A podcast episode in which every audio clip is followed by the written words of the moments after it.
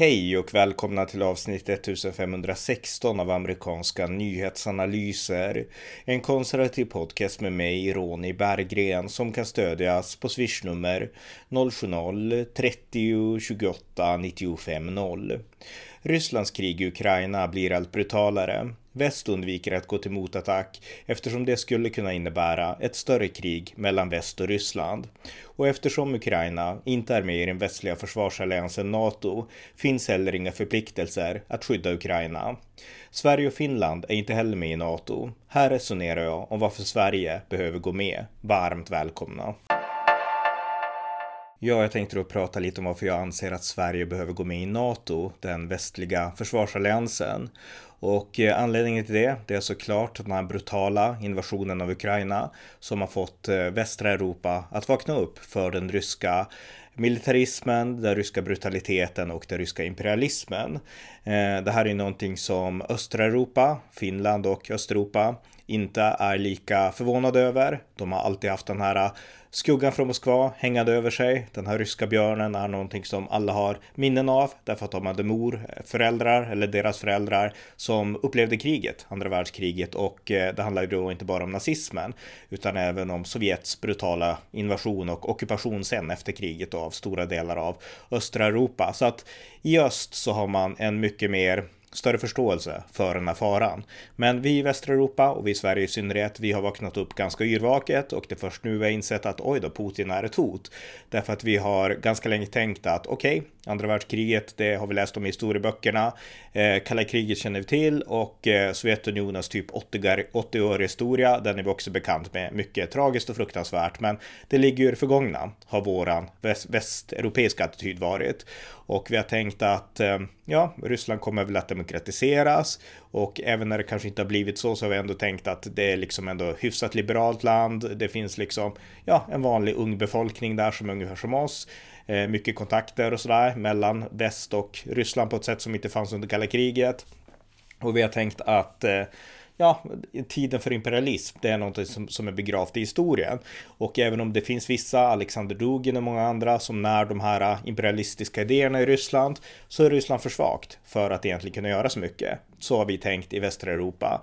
Så att därför vart den här äh, grymma, brutala invasionen av Ukraina när ryssarna använder metoder som vi inte har sett i Europa sedan andra världskriget med liksom total förödelse och liknande.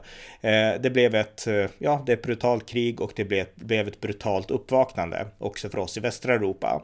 Men vi har vaknat upp och eh, därför så har diskussionen om NATO blivit mer, ja, mer levande än någonsin. Jag kan personligen inte minnas något tillfälle där NATO har varit lika aktuellt att diskutera som just nu. Och eh, en ny undersökning gjord av Novus visar att nästan hälften, hälften av den svenska befolkningen vill gå med i NATO. Så att stödet för NATO är nu väldigt stort. Så att det är NATO jag tänkte prata om och eh, jag tänkte nu ge lite bakgrund till vad NATO är och sen komma in på den svenska inställningen till NATO. Ja, NATO föddes 1949, men bakgrunden till NATOs uppkomst, den går att hitta i andra världskriget. Eh, det var ju så här att andra världskriget tog slut 1945. Då dog Hitler i sin bunker där i Berlin och eh, Europa befriades från nazismen. Men här i väster så kunde man se att en ny totalitarism började resa sig och växa. Och det var en totalitarism längre österut, öster om Tyskland, nämligen i Ryssland, i Moskva, i Sovjetunionen, som då styrdes av Stalin, en av världshistoriens största folkmördare. Och Stalin hade samarbetat med eh, västmakterna i kampen mot, mot Hitler och det var en nödvändig allians mellan kommunismen och väst för att besegra Hitler. Men efter kriget så insåg väst att nu håller den här nya totalitarismen från öster på att sprida sig västerut. Och eh, Winston Churchill, Storbritanniens premiärminister, Harry Truman, USAs president, de såg vad som höll på att ske och Churchill varnade för en järnridå genom hela Europa, där Europa skulle komma att styckas i en totalitär kommunistisk sida och en fri västvärld med liksom USA och Storbritannien som backup och som skyddande barriärer. Och det var exakt det som hände. Stalin slukade länderna i östra Europa. De blev en del av det sovjetiska imperiet och eh, väst såg vad som skedde, men kunde inte göra så mycket för östra Europa. Och en del av de här länderna styckades ju också upp i samband med Jalta-konferensen eh, på grund av, av då att eh, det var segermakterna som delade upp Europa mellan sig. Och eh, USA ansåg inte att man hade råd att fortsätta kriga mot Sovjetunionen, utan man var tvungen att dra en gräns någonstans. Men man har varit mer och mer från västligt håll rädd för det här växande sovjetiska hotet och det innebar att man skapade en försvarsallians, NATO, 1949. Och eh, det var 12 medlemmar som gick med i början i den här alliansen som heter North Atlantic Treaty Organization, NATO. Och eh, den trädde alltså i kraft den 24 augusti 1949 och eh, firade alltså 70 år för tre år sedan, eh, 2019 då. Eh, de här eh, medlemmarna, de ökade med åren och idag så finns det 30 medlemmar i NATO, i, i Nordamerika och i, Eh, i Europa då framför allt. Och eh, stommen i NATO, det är USA. Det är liksom den amerikanska närvaron. Och eh, den här amerikanska närvaron gjorde att Sovjetunionen inte kunde expandera längre västerut. Och den bästa illustrationen av det, det är Checkpoint Charlie i Berlin.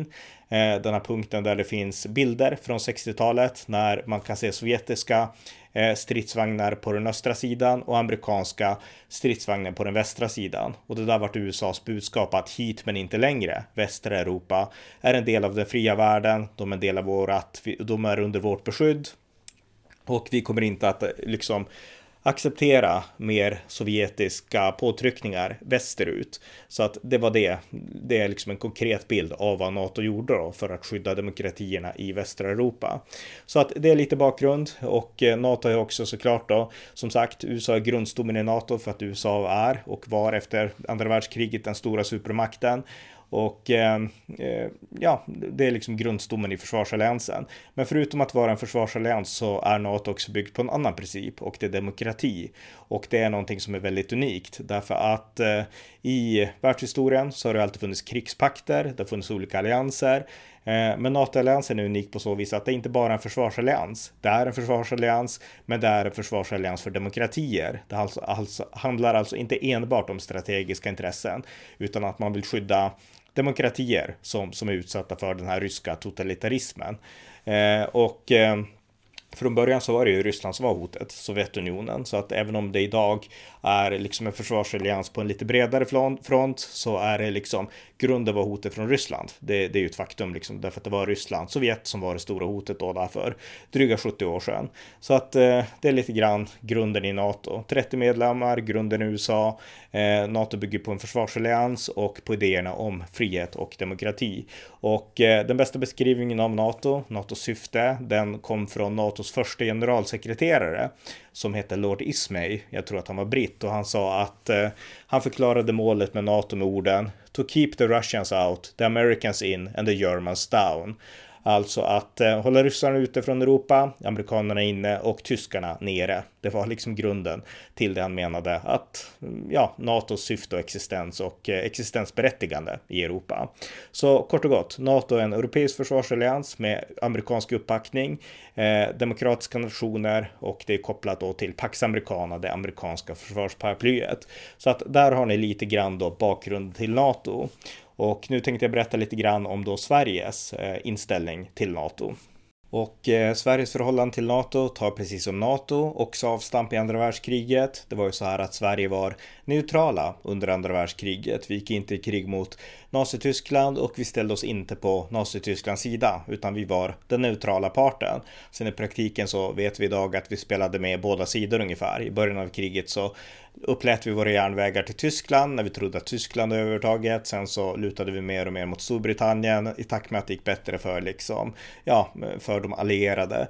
Men grunden i Sveriges politik under andra världskriget var neutralitet. Vi ville till varje pris hålla Sverige utanför kriget. Det var den politiska inställningen som ja, samlingsregeringen hade då under andra världskriget. Så att det var neutraliteten var Sveriges utgångspunkt. Men sen då efter andra världskriget, efter 1945 och när Ehm, ja, Sovjetkommunismen stabiliserades och eh, man insåg då att det håller på att bli ett kallt krig mellan väst och den här nya totalitarismen i Sovjetunionen, då valde Sverige att fortsätta värna och bevara sin neutralitet.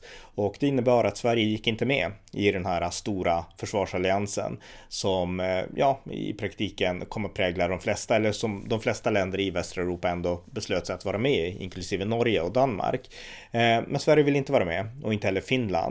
Och orsakerna till det, i synnerhet i Finlands fall, det var att man ville liksom inte reta upp Sovjetunionen utan man ville hålla balansen och visa att vi inte är en del av liksom eh, vi är inte en del av väst utan vi, vi håller oss på egen mark här. Och eh, Sovjet hade ju försökt invadera Finland också under andra världskriget. Så att Sverige och Finland, de intog hållningen att vara neutrala. Och för Sveriges del så innebar det att vi intog positionen att vi är alliansfria i fredstid och neutrala i krigstid. Det var liksom så man tänkte här i Sverige.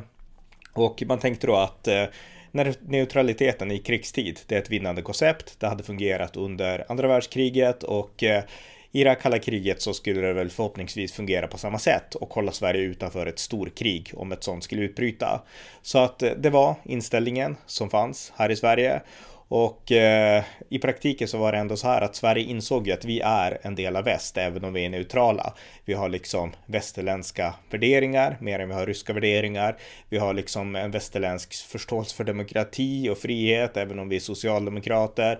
Och vi har, alltså vi är på alla sätt västliga och vi tydde oss allt mer till USA. Det var engelska som började lära sig i skolorna. Det var amerikansk populärkultur, musik och serietidningar, cowboys, indianer och liknande som kom till Sverige, Dinky Toys och så vidare. Så att allt det här äh, amerikanska var ju det som påverkade Sverige. Det går inte att komma ifrån det. Så att det fanns en tydlig amerikanisering av liksom svensk kultur på ett sätt som inte fanns i liksom östra Europa. Så att Sverige var ju i alla avseenden egentligen en del av väst. Det, det, det råder inga tvivel om. Men inte i liksom försvarssamarbetet. Då var vi neutrala. Och det innebar att vi insåg, alltså det innebar att vi vart schizofrena. Vi insåg att vi tillhör väst, det rådde inget snack om, samtidigt som vi ville vara militärt neutrala. Men eftersom vi ändå tillhörde väst och eh, ja, gick någon slags balansgång där så insåg våra regeringar, främst socialdemokrater på den tiden, att eh, vi måste ändå ha försvarssamarbeten med USA. Vi vill inte bli invaderade av Ryssland och helt uppenbart så är det liksom, det är Sovjet som är hotet om vi har ett hot, det är inte USA. Så att eh Eh, de, eh, de socialdemokratiska regeringarna i Sverige, de slöt avtal i hemlighet med USA, med NATO och eh, i synnerhet så ville vi samarbeta med Norden. Norge betraktade vi som ett brödrafolk. De var med i NATO, Danmark likadant nästan och Finland såklart som då inte var med i NATO då. Men vi kände väldigt stark samhörighet mot våra nordiska grannar och försökte hålla balansen där och balansen till liksom det övriga väst så att det fanns många sådana här avtal under bordet eh, utan att vi ändå gick med i NATO. Så att det var lite den inställning som fanns i regeringen. Men på folklig nivå i Sverige så fanns det ett stort NATO-motstånd och det här NATO-motståndet hade olika inkörsportar om man säger så. Dels så var ju Sverige ett land som präglades ändå av ganska starka fraktioner av kommunister som var väldigt anti-amerikanska och de betraktade NATO som liksom den amerikanska imperialismen. Och det fanns ju kommunister i Sverige också som aktivt stödde Sovjetunionen, ska kommas ihåg. Eh, inom socialdemokratin så stödde man inte Sovjetunionen, men man var skeptiska till NATO i många avseenden och av ja, ungefär samma eh, vänsterteoretiska skäl som kommunisterna var. Så att det fanns ett NATO-motstånd i Sverige och eh, det har levt vidare egentligen ända in i modern tid kan man säga. Och det som började ändra det här lite grann då, liksom Sveriges inställning att liksom alltid till varje pris vara neutrala. Det var dels när muren föll 1989 och Sovjetunionen upplöstes 1991. Eh, det var då att då insåg man att oj, nu, nu är det liksom, nu är det över. Sovjetunionen är inte ett hot längre, det är upplöst och Ryssland verkar inte hota Europa på samma sätt som Ryssland historiskt har gjort tidigare. Så att eh, det blev någon slags, eh, ja, det gjorde att vi i Sverige har varit mer avslappnade i förhållande till västliga allianser. Och 1994 så gick vi med i EU och eh, med det så visade vi tydligt att vi var inte längre liksom neutrala till politiken och till liksom det här europeiska livet, utan vi var en del av västra Europa, en del av USA, en del av den västliga alliansen utan tvekan liksom. Så att där övergav man lite grann det. Men man fortsatte ju ändå att vara mot NATO och eh, eh det här började ändras lite grann sakta Putin började militarisera eh, Ryssland ganska snabbt på 2000-talet, men de var inte superstarka då. Men 2008 så gick ju Ryssland ändå in i Georgien och vi insåg att hmm, Ryssland går åt fel håll. Nu försöker de återigen, precis som Ryssland har gjort historiskt, eh, påtvinga sin politik med militära medel. Just den metod som vi trodde att vi hade lagt bakom oss 1945 här i Europa. Men så visade Ryssland inte vara fallet. Så att Sverige vart då mer och mer försiktiga Eh, och eh, på sin vakt mot Ryssland ska jag säga. Eh, Sverige deltog också i den här NATO-insatsen mot Libyen 2011 och eh, ja, samordnade en del av operationer där då. Vi var inte officiella medlemmar i NATO, men vi fick en möjlighet att testa och träna och liksom ja, öva våra egna flygplan och sånt här i en riktig krigssituation. Så att det var någonting som vårt försvar var väldigt tacksamma till. Eh, sen kom då också nästa sak som gjorde oss ännu mer på vakt. Det var Rysslands annektering av Krim, Ukraina, eh, 2014 och eh, det här gjorde att Sverige verkligen vaknade upp och insåg att nu håller saker att verkligen på att gå åt fel håll med Ryssland. Och eh, nu blev samarbetet mellan Sverige och NATO ännu tätare. Det har hållits många NATO-övningar i Sverige på svensk mark sedan dess. Och eh, ja, svenska kommunister och andra har protesterat. Men eh, Sveriges regeringar har ansett att eh, vi måste närma oss NATO därför att Ryssland är inte längre ofarligt. Så att eh, det har ändå pågått i det tysta eller underifrån ett mycket, mycket tätare och även öppet samarbete med NATO. Det är inget som vi försöker hålla hemligt att vi närmar oss NATO, utan nu är det tvärtom, steg för steg för steg för steg. Men vi är ändå inte medlemmar än. Och eh, ja, orsaken till det, det är dels en opinion som, som liksom inte har varit helt för eh, fram tills nu då. Nu har det som sagt kommit en undersökning av Novus eh, bara häromdagen som visar att i princip 50 procent av svenskarna är för ett NATO-medlemskap och det är rekordmycket. Så att det finns en opinionssvängning nu på grund av det vi kan se eh, utspelas så tragiskt i Ukraina. Men politikerna, de har ändå inte riktigt svängt ännu och den stora bromsklossen är Socialdemokraterna. Så att nu ska jag prata lite grann om de politiska partierna och NATO här i Sverige. Ja, hur ser då de svenska partierna på NATO och hur har den här äh, opinionsförändringen i Sverige påverkat partierna?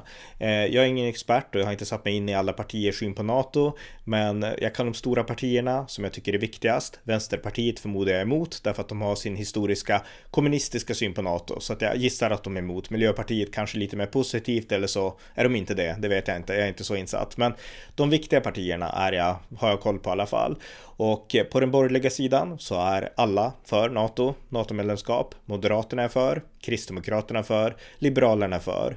Och eh, Sverigedemokraterna som då ingår i det här konservativa blocket, de är på väg mot att bli för. Eh, Sverigedemokraterna har ju historiskt varit emot NATO. De har velat stärka försvaret i Sverige, men de har inte förespråkat svenskt NATO-medlemskap.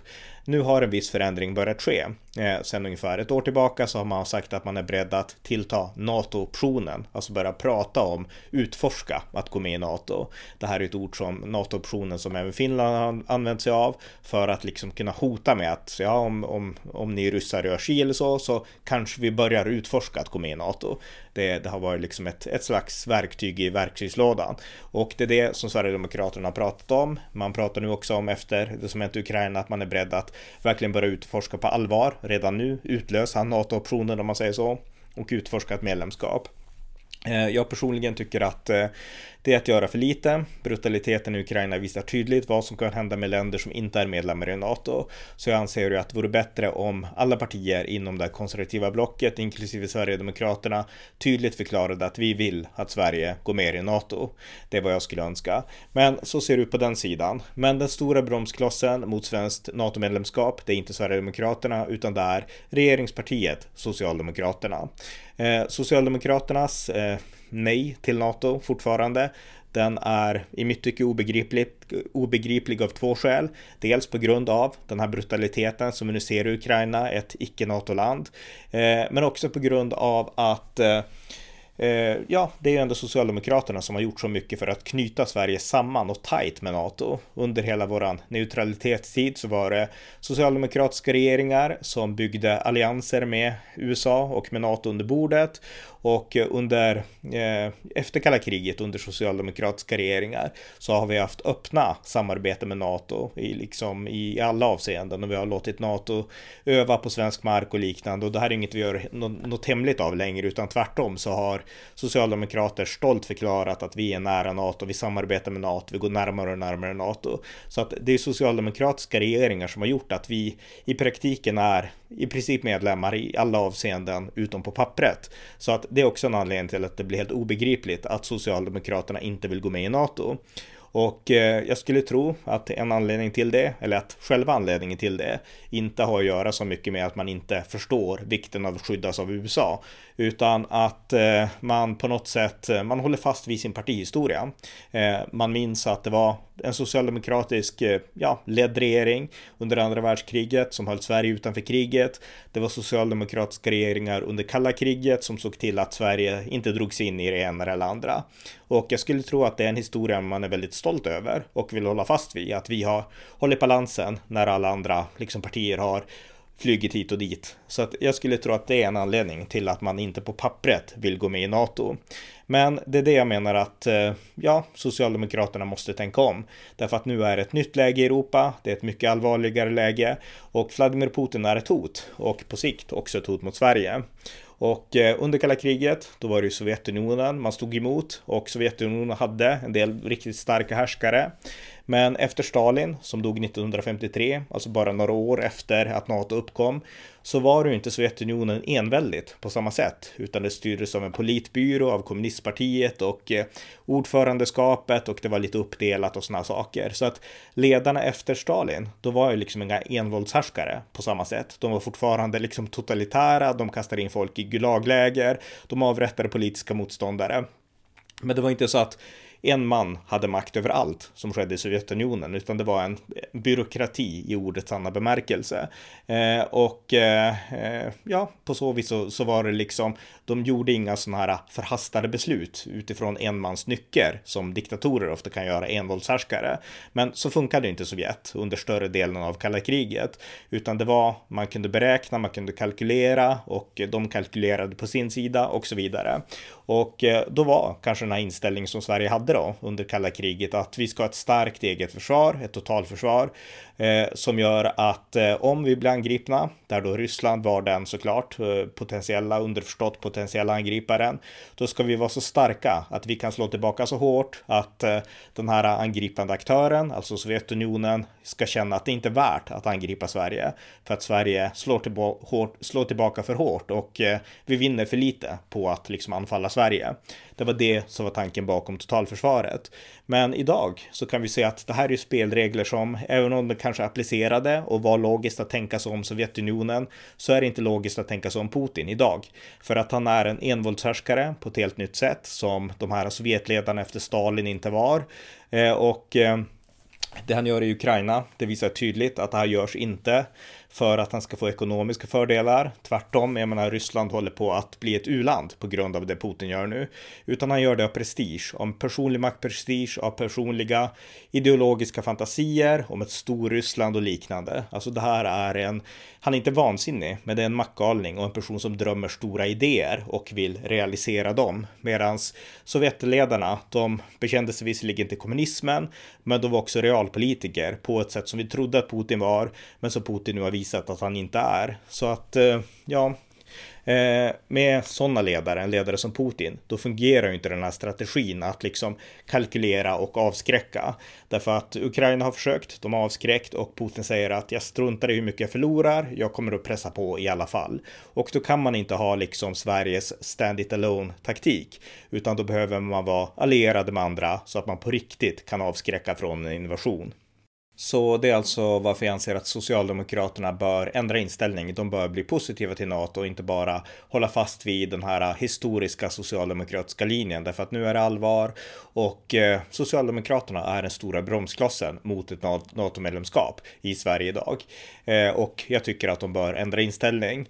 Och eh, jag tycker också att Socialdemokraterna borde kunna lära sig av sina systerpartier i Europa. Dels har vi Finland som leds av en socialdemokratisk regering som nu har börjat prata om att eh, efter den här eh, invasionen av Ukraina att nu kommer Finland att börja närma sig NATO och inleda en process att, att samtala och diskutera om NATO.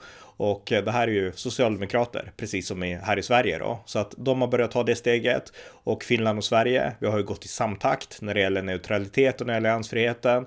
Men nu när Finland börjar ta det här steget, då tycker jag att Sveriges socialdemokrater, de borde också inse att det här kanske är rätt väg att gå också för oss. Så att eh, jag tror att Finlands eh, fortsätta utvecklingen i den här frågan. Den kommer att påverka Sverige mycket.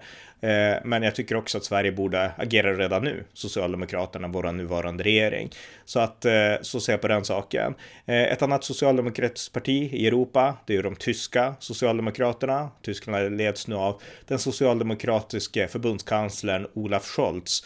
Och eh, han har helt brutit med den här gamla tyska ostpolitiken där man ska vara liksom, inte Rysslandsvänliga, men väldigt liksom Rysslands Jo, okej, okay, Rysslandsvänliga för att kunna på något sätt hålla balansen lite grann. Och eh, där Socialdemokraterna i Tyskland i synnerhet har haft en väldigt antiamerikansk syn.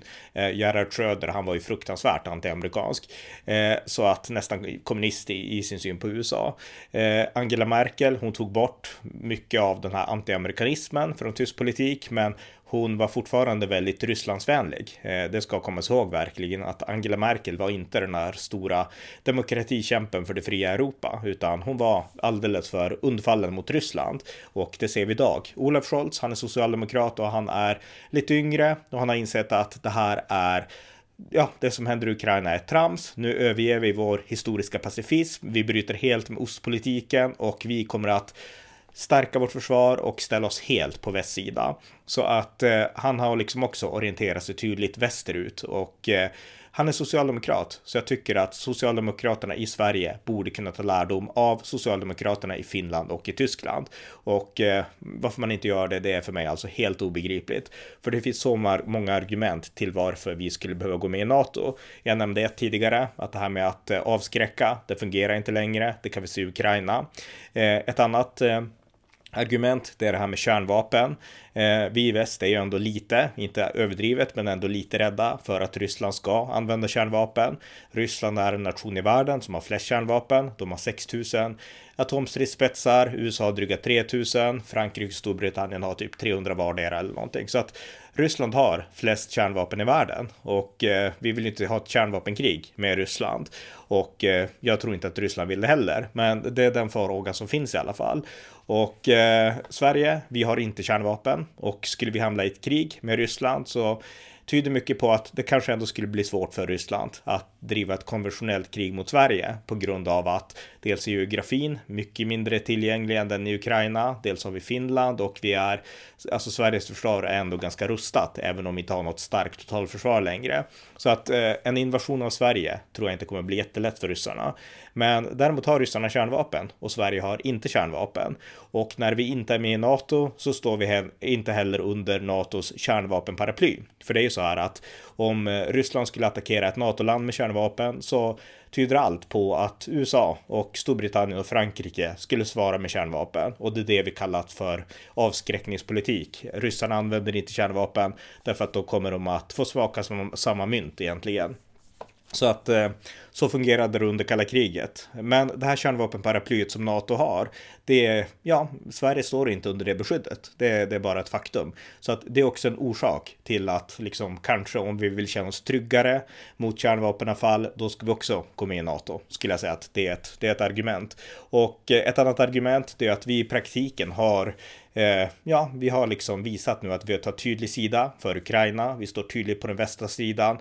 Vi har gett vapen till Eh, Eh, till Ukraina och det här är någonting som uppmärksammas stort internationellt, inte minst i USA, där man då har bilden av att Sverige är neutrala. Och man, man kan inget om Sverige, men man vet att Sverige är neutrala. Och eh, NBCs, amerikanska NBCs utrikeskorrespondent Richard Engel, han twittrade den 27 februari, jag tror att det var ungefär samtidigt som beskedet kom om att Sverige skulle skicka vapen till Ukraina. Eh, och då skrev han då så här om Putin. You know you're an unpopular, unpopular leader when Sweden is sending your enemy 5000 anti-tank miss, anti -tank missiles. Så skrev Richard Engel. Så att han uppmärksammade också det här då med att eh, ja, nu är Sverige liksom inte, eh, inte är Sverige neutrala längre liksom. Och om inte är det, då finns det faktiskt ingen anledning alls att låtsas att vi, var, att vi är det, utan då är det bara det att vi måste gå med i NATO. Så att jag kan tycka att eh, eh, det finns inga anledningar att inte gå med. Och den anledning som då ändå förs för att inte gå med, om vi bortser från Socialdemokraternas liksom stolthet över sin partihistoria, så är liksom det här argumentet på folknivå att nej men om vi går med då, då blir Putin jättearg och då atombombar han oss. Och eh, ja, kanske, kanske inte, vad vet jag, jag vet inte hur Putin tänker om det. Men om vi liksom eh, går på den linjen att vi liksom av rädsla för Putins atombomber inte går med, då blir det ju liksom att leva på Putins nåder. Eh, liksom var snäll, snälla atombomba oss inte. Men går vi med i en säkerhetsallians, då blir det liksom fred genom styrka, som var Ronald Reagans, USAs presidentes. Att då är vi också med i det liksom amerikanska eh, ja, brittisk-franska kärnvapenparaplyet och då är vi också under liksom ett beskydd från kärnvapen på ett helt annat sätt. Så att eh, jag kan tycka att eh, ja, antingen så är man rädd för Putin och så gör man det Putin vill, nämligen går inte med i NATO, eller så gör man bara det som är det moraliskt rätta. Går med i en försvarsallians för demokratier där de som är med har ett kollektivt beskydd och också har ett kollektivt kärnvapenbeskydd. Så att eh, ja, jag tycker inte att det är så mycket att argumentera. Ett annat argument som också funnits där att NATO innebär ju inte bara beskydd utan det innebär också förpliktelser. Och eh, ja, det gör det. Vi blir då förpliktigade att gå in i ett krig eh, till försvar för andra delar av NATO om de länderna skulle bli anfallna.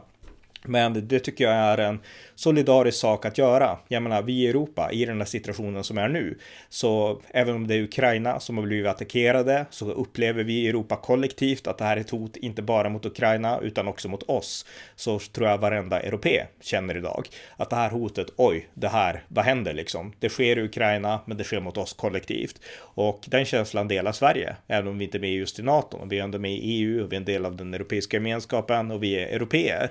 Så jag menar, den känslan delar vi här i Sverige.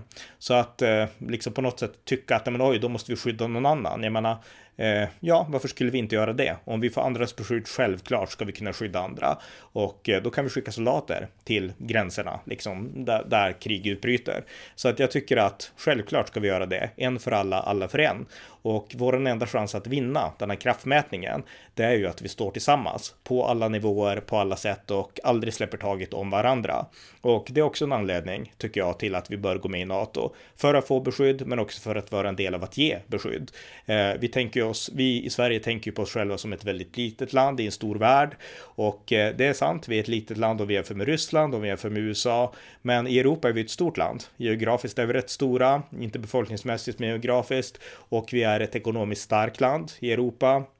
Och eh, vi är definitivt eh, större och starkare än våra liksom nordiska grannländer, framförallt de på Baltikum och, och sådär. Så att jag menar, Sverige är inget pytteland som vi, vi tänker oftast på själva som att vi är ett litet land, vi kan inte göra något i den stora världen.